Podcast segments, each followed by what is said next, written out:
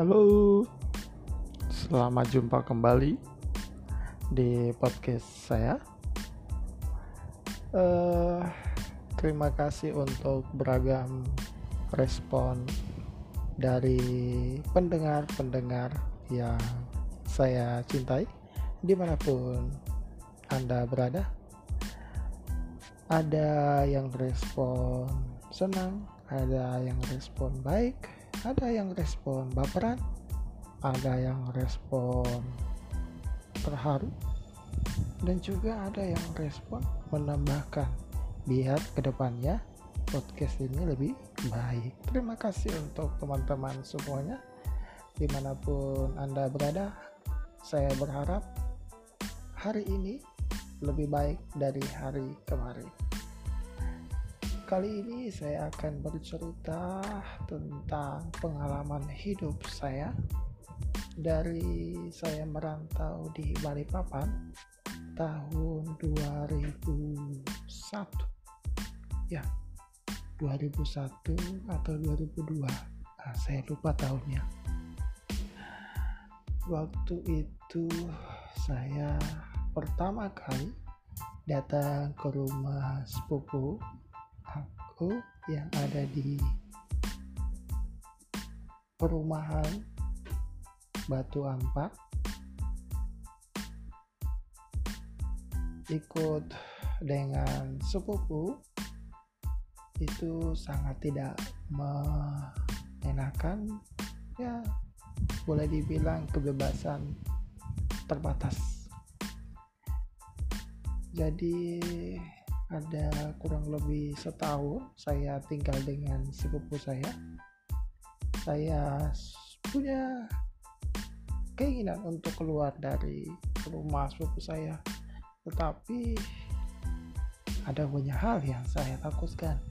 Yang pertama saya mau tinggal di mana? Yang kedua saya mau makan apa? Yang ketiga ada hal-hal lain yang saya takutkan yang tidak perlu disebutkan. Kemudian waktu itu hari minggu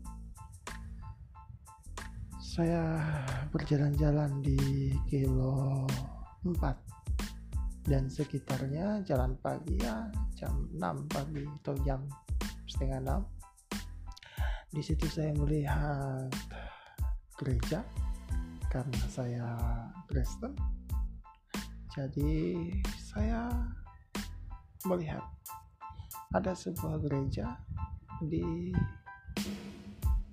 kilo 4 yang letaknya jauh dari jalan raya. Rasa penasaran saya muncul, saya langsung pergi melihat suasana gereja tersebut dan saat itu masih pagi jadi belum ada aktivitas gereja. Saya melihat ke kanan ke kiri lihat wah gerejanya cukup unik.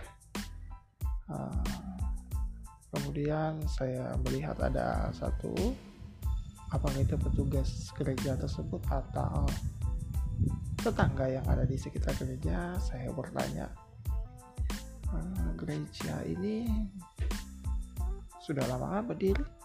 Kemudian orang tersebut mengatakan iya sudah lama.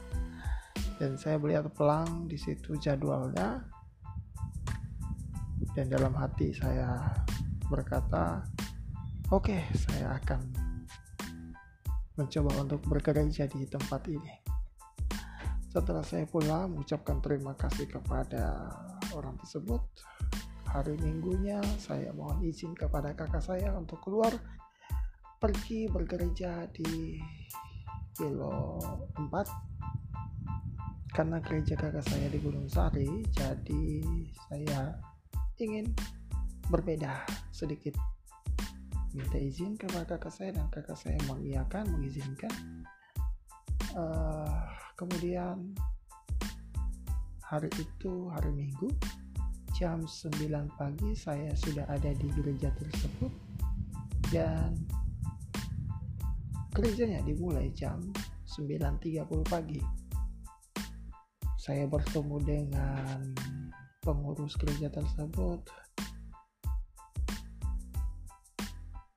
Berkata cerita banyak hal dan saya tertarik dengan cara mereka beribadah. Kemudian waktu berjalan sangat singkat. Beberapa hari kemudian saya ingin sekali pergi ke sana kembali.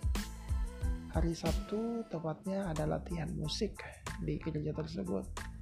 Saya ikut bergabung bersama dengan kelompok musik tersebut dan diberi tugas dipercayakan oleh pengurus gereja tersebut untuk membawa satu pelayanan di gereja tersebut. Hari berganti hari bulan berganti bulan saya sudah hampir menetap di gereja tersebut karena nama saya hampir tercatat karena secara kalau menurut orang Kristen atau menurut itu kita itu kalau ada suka di gereja tersebut atau senang bergereja tersebut maka kita harus mendaftarkan diri secara permanen di gereja tersebut atau kita hanya sekedar datang saja setiap hari minggu dan bukan sebagai warga dari atau uh, masuk di dalam anggota gereja tersebut tidak permanen. Jadi hanya sebagai istilahnya itu simpatisan.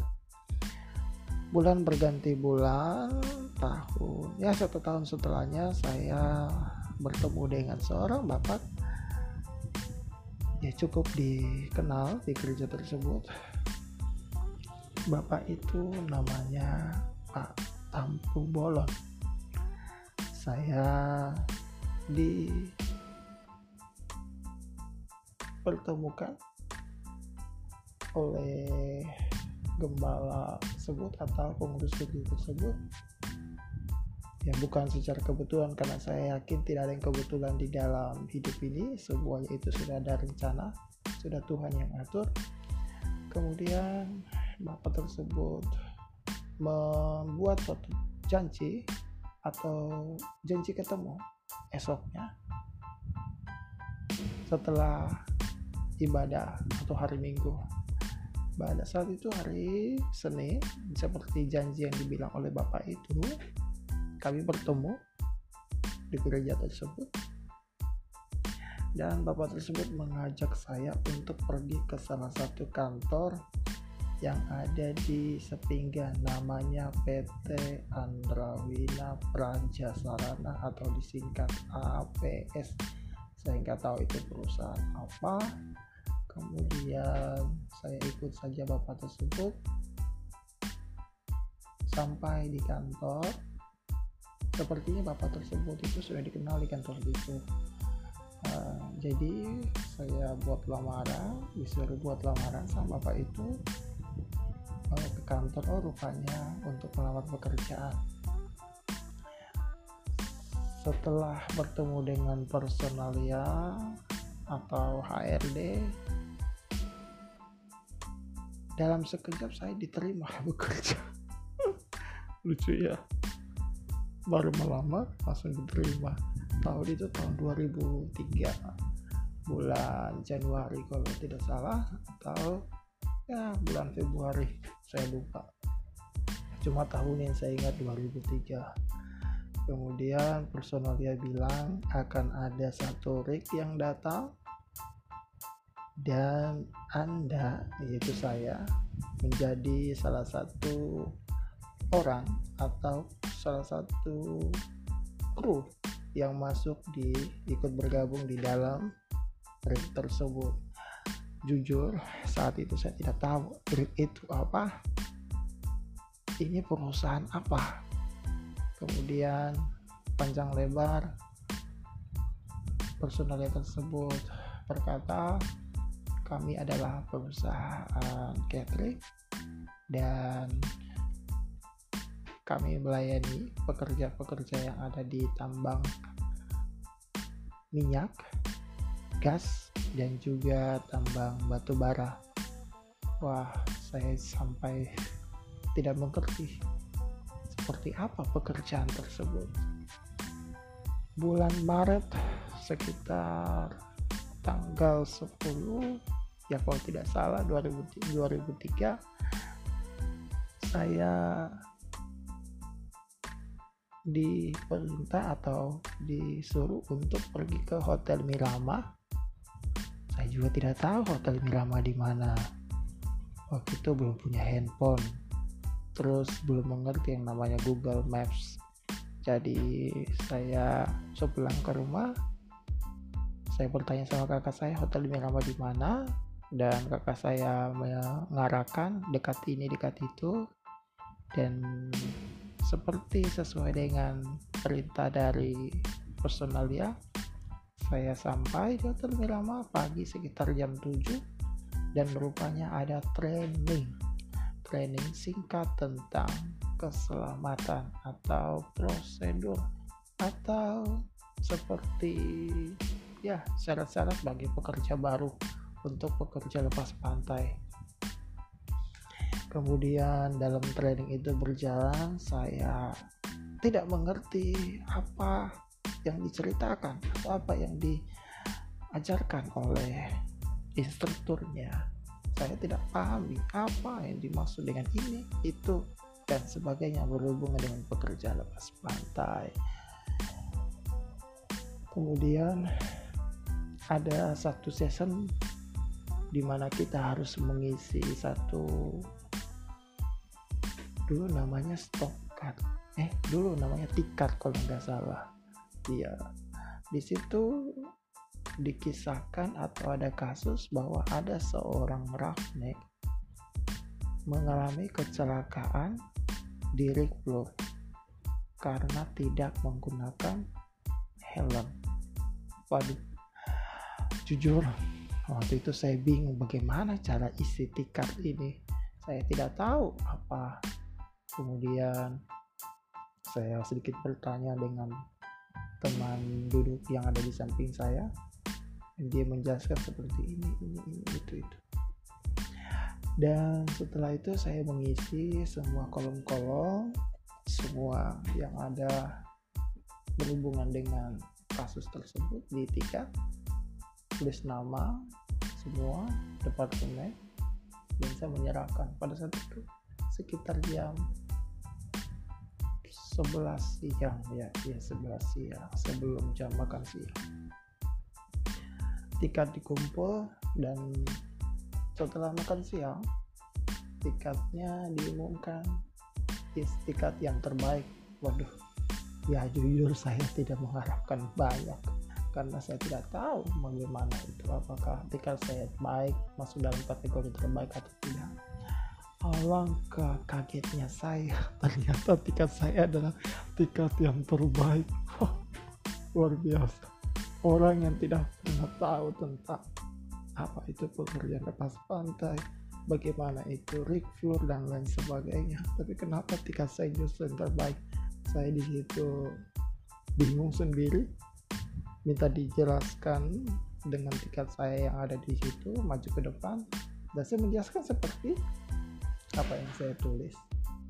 Dan kemudian saya mendapat apa ya penghargaan berupa merchandise dari perusahaan Apex Indo ya. Saya lupa apa barangnya. Oke setelah berlalu seminggu kami diminta untuk berkumpul pagi hari jam 6 di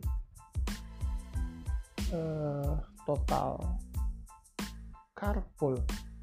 Ya saya juga tidak tahu lokasinya itu di mana dan saya kasih tahu sama teman yang ada di duduk samping duduk saya samping saya katakan carpool total itu di mana itu oh di ke sini ke situ ke situ. Oke setelah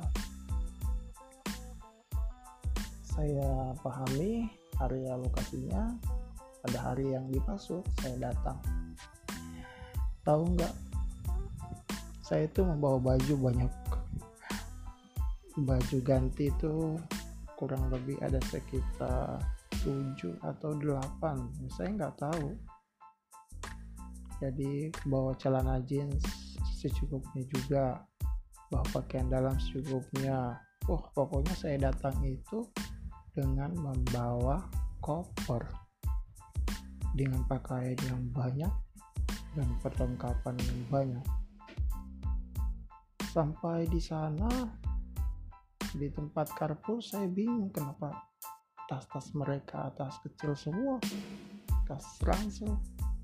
Ya saya tidak mengerti saya ikut saja naik bus sampai di Handil dalam perjalanan saya bingung ini perjalanan mau ke arah ke mana? Saya lihat-lihat saja dan ternyata tujuannya sampai di Handil dan Handil itu saya tahu hari itu ternyata itu namanya Handil. Saya nggak tahu Handil itu tempat apa dan lain sebagainya. Kemudian sampailah kita di ruang tunggu. Tukar boarding pass dan sampai di gate terakhir kami dipersilakan untuk naik kapal kecil atau dibilang sitra waduh saya di situ bingung mau ke mana ini sebenarnya perusahaan apa ini? Akhirnya saya lihat sana kanan kiri kiri sampai di tujuan saya lihat wow ada bangunan besar berdiri di atas laut. Ini bangunan apa? Saya tidak tahu. Kemudian naik ke tempat itu dan ternyata itu yang namanya Rick oke ditunjukkan kamarnya. Bertemu dengan supervisor perusahaan saya. Dan dijelaskan pekerjaannya begitu-begitu. Waduh jujur saya tidak mengerti apa yang dimaksud dengan pekerjaan ini. Setelah makan saya kurang lebih sekitar jam satu siang saya diarahkan ke salah satu ruangan atau tempat di situ yang namanya kalau tidak salah restroomnya tempat beristirahat kru. Tapi di situ ada toiletnya. Nah saya disuruh untuk membersihkan toilet. Oleh supervisor saya oh my god. Rupanya pekerjaannya itu, itu seperti ini. Ada juga yang di dapur. Oh rupanya catering itu seperti ini. Kemudian saya minta izin sama supervisor saya bilang pulangkan saja saya. Saya tidak sanggup bekerja ini saya tidak tahu. Tapi supervisor saya bilang tidak apa-apa kamu kerjakan aja dulu. Sebisanya nanti beberapa hari kamu akan paham kemudian dengan berat hati saya melakukan pekerjaan tersebut? Ya jujur berlawanan dengan apa yang saya ekspektasi saya bahwa hari itu seperti kantor apa ternyata pokoknya lain seperti apa yang saya pikirkan. Kemudian beberapa hari setelah hari itu ya minggu berlalu saya merasa wah asli kerja begini? Ternyata tidak begitu berat oke. Okay, kemudian hari bergal, berlalu berganti. Ya sampai dua minggu waktu pulang. Pulang ke rumah rutinitas seperti biasa dan lain sebagainya saya merasa capek luar biasa dan waktu off kita itu dua minggu. Jadi suku waktu yang istirahat yang panjang. Oke saya tidak perlu cerita tentang offnya. Kemudian waktu naik lagi jadwal naik gitu saya sudah merasa enjoy dan saya melihat juga di situ ada perkembangan luar biasa dari saya sendiri terutama mulai dari yang tadi awalnya tidak membawa tas berat-berat kini hanya membawa tas seperlunya saja dan karena saya tahu di atas itu ada laundry jadi pakaian kita tinggal ditaruh. Udah besoknya kering. Setelah itu bulan berganti bulan saya mendapat apa ya perhatian spesial dari supervisor bahwa saya itu sebenarnya tidak layak untuk ditaruh di jabatan itu. Kemudian saya dirundingkan sama pimpinan di situ namanya Riksu jabatannya. Kemudian saya diangkat jadi mes boy. Waduh ini pekerjaan baru lagi tentang apa? Bagaimana saya melakukan pekerjaan ini saya belum paham ya ter, ya selama ini saya hanya melihat-lihat saja pekerjaan yang dilakukan mas boy yang lain. Tapi saya tidak paham betul apa inti dari pekerjaannya kemudian saya ikut saja mengalir seperti pekerja-pekerja pada umumnya. Dan ternyata saya merasa enjoy di satu posisi ini saya bisa bercengkrama dengan orang asing. Saya bisa bercengkrama dengan teman-teman yang ada di dapur. Dan sepertinya lebih intens dengan supervisor dan lain sebagainya. Tahun berganti tahun saya enjoy. Dan tahun 2009 perusahaan kami bangkrut. Dan saya mendapat pesangon 25 juta atau 26 atau 24 juta. Aduh saya lupa. Pokoknya itu sekitar 20 ke atas 25 24 juta. Terus BPJS saya 4 juta sekian saya mengabdi selama kurang lebih 6 tahun dari tahun 2003 sampai 2009 2009 perusahaan kami berganti menjadi ISS kami masuk di ISS dan rupanya perusahaan itu hanya bertahan satu tahun kami keluar tanpa pesanan. Dan lanjut di tahun 2010 Januari kami masuk di perusahaan pangan sawit utama.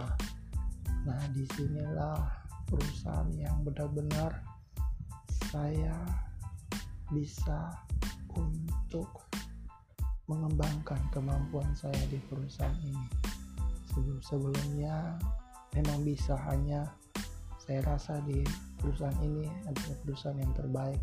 Nah, saya dulunya pernah mendengar perusahaan Sari itu waktu kita masih kerja di uh, nah, APS ya. Nah ternyata saya juga masuk nominasi masuk di perusahaan Sari tahun 2012 saya keluar resign karena suatu alasan. Bulan 6 2012 resign tidak mendapat apa-apa kemudian hanya satu bulan berselang saya masuk lagi tahun 2012 bulan 8 melamar lagi di perusahaan pangan sari dan masuk diterima dan mendapat lokasi di CPU oh ya nama lokasi pertama itu namanya Raisa ya. Lupa saya saya lupa sebut.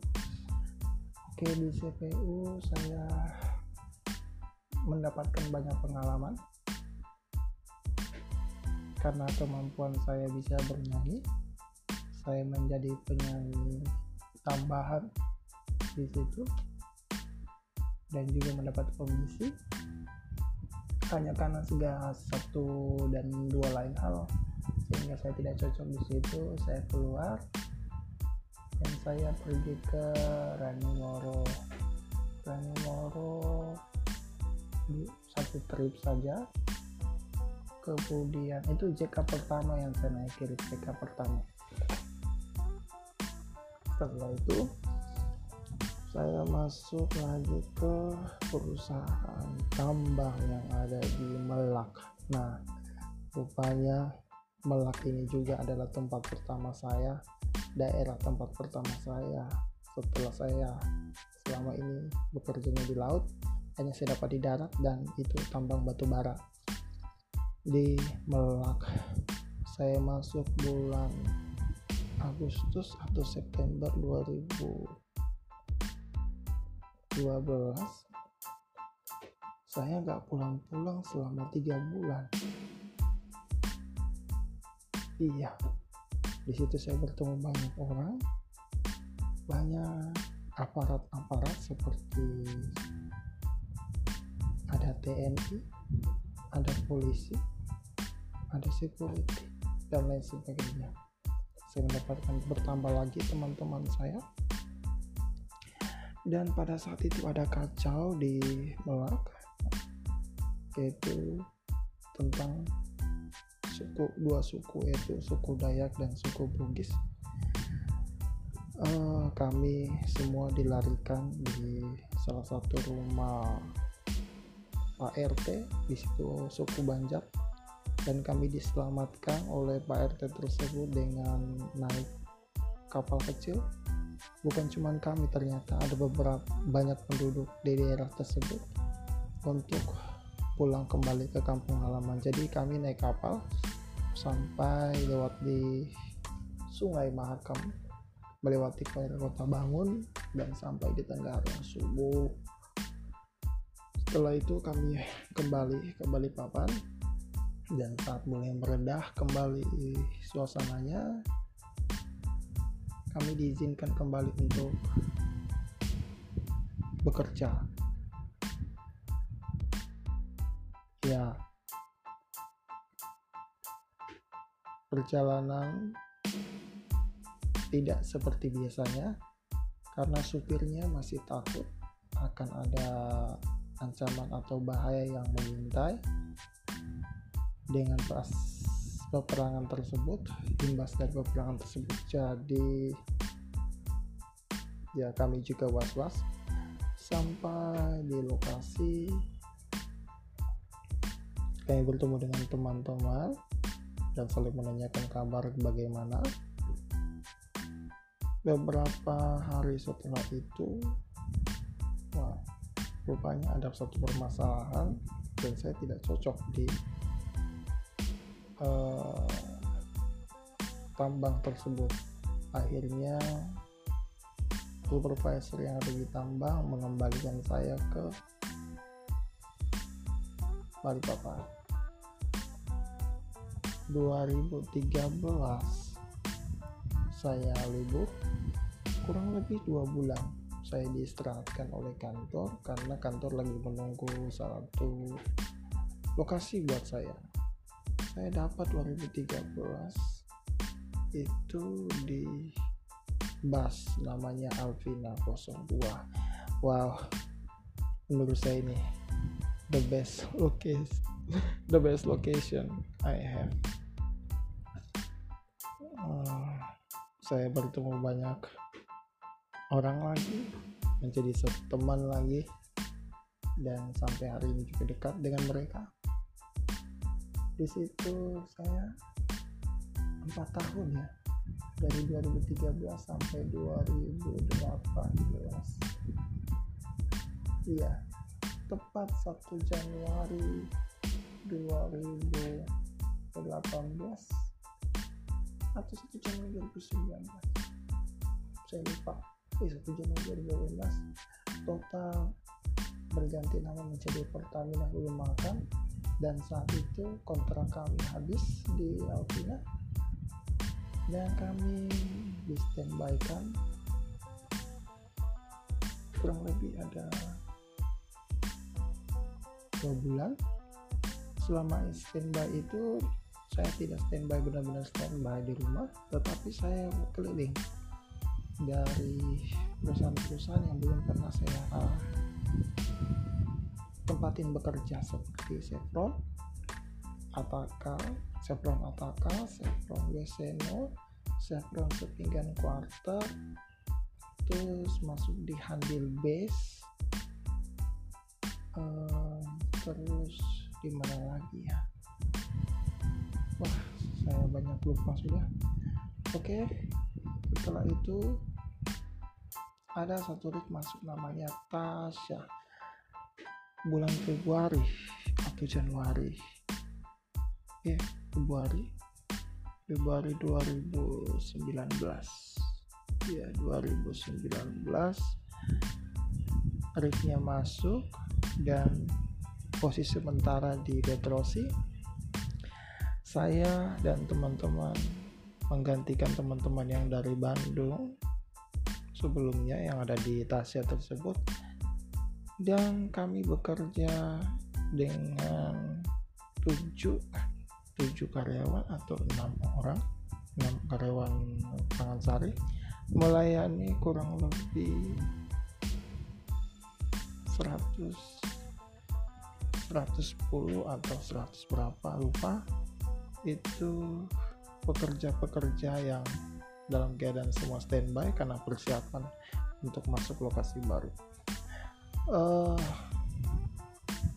saya bekerja di Tasya pertama kali itu 7 minggu atau 6 minggu. Saya lupa. Yang pasti lebih dari lima minggu karena tidak ada pengganti. Setelah selesai itu kru lokal datang dan posisi saya digantikan oleh kru lokal dan saya tidak mendapat jatah di Lintasya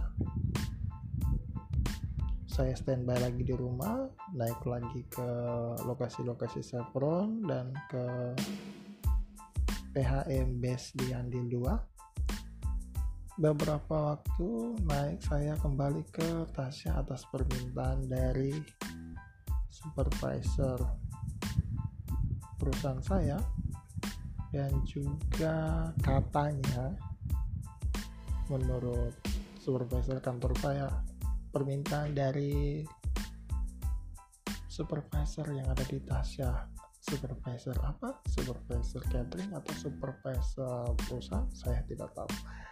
Perusahaan Apexindo saya tidak tahu saya lupa.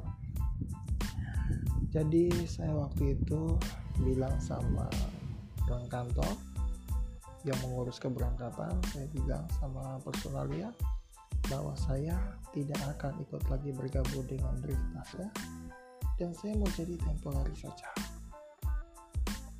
Tapi personalia bilang tidak. Saya kasih pilihan dua. Kamu mengundurkan diri atau naik ke Tasya. Wow dua pilihan yang sangat sulit. Dan saya bilang ya sudah daripada pesangon saya hilang saya ikut saja di tasnya dulu setelah itu saya kembali naik dari tasnya mengurus berbagai macam keperluan-keperluan yang diperlukan seperti medical check up dan medpas semua selesai naik dan rupanya Tuhan berkata lain. Sepertinya saya cocok untuk ada di Lintasya. Sejauh inilah ya. Sejauh ini. Dan sampai sekarang masih kerja ikut bergabung dengan Lintasya. Entah sampai kapan saya hanya tahu kalau jalan Tuhan adalah yang terbaik. Jadi, jika saya sampai di akhir saya beroperasi atau sebelum saya selesai beroperasi saya sudah keluar, saya tidak tahu. Saya hanya mengikuti jalan Tuhan saja. Itulah perjalanan saya mulai dari awal bekerja dari tahun 2003 sampai sekarang 2019 bulan Oktober 2019 dan tahun sekarang begitu banyak hal-hal pengalaman-pengalaman hidup yang bisa saya berikan kepada teman-teman pendengar-pendengar di mana pun anda berada, kalian berada, bahwasanya untuk mencari sesuatu pekerjaan yang aman, yang nyaman, yang membuat kita comfort, itu sangatlah susah atau tidak ada. Jadi, yang membuat kita nyaman itu dengan pekerjaan kita itu adalah kita diri kita sendiri Bagaimana cara kita membuat pekerjaan itu nyaman? Ya kita sendiri yang buat dengan emosi kita. Ya kita harus tahu menempatkan profesional kerja dan masalah. Kita jadi jangan dicampur baur ya cukup sekian. Dan sampai saat ini saya tidak menginginkan untuk keluar dari perusahaan saya sekarang karena satu hal. Pesangon saya kurang lebih sudah 80 jutaan ke atas itu kalau saya menghitung akan hilang sia-sia kalau saya resign dari perusahaan sekarang ini perusahaan Pakansari jadi saya tetap bertahan dengan segala sesuatu atau segala hal yang membuat kita tidak nyaman dengan pekerjaan sekarang. Tetapi yang membuat kita nyaman itu adalah diri kita sendiri. Ya jadi saat ini saya hanya berpikir di dalam box saja. Dan I don't think out of the box. I feel comfortable in so cukup sekian. Dan biarlah apa yang saya bagikan ini dapat menjadi inspirasi atau masukan buat teman-teman pendengar-pendengar sekalian pendengar di mana pun kalian berada atau anda berada. Mohon maaf jika ada salah kata. Dan saya menunggu komentar masukan untuk menjadikan podcast ini lebih baik. Atau kita membahas tentang topik-topik yang lain. Saya persilakan. Terima kasih atas dukungannya. Selamat siang dan salam podcast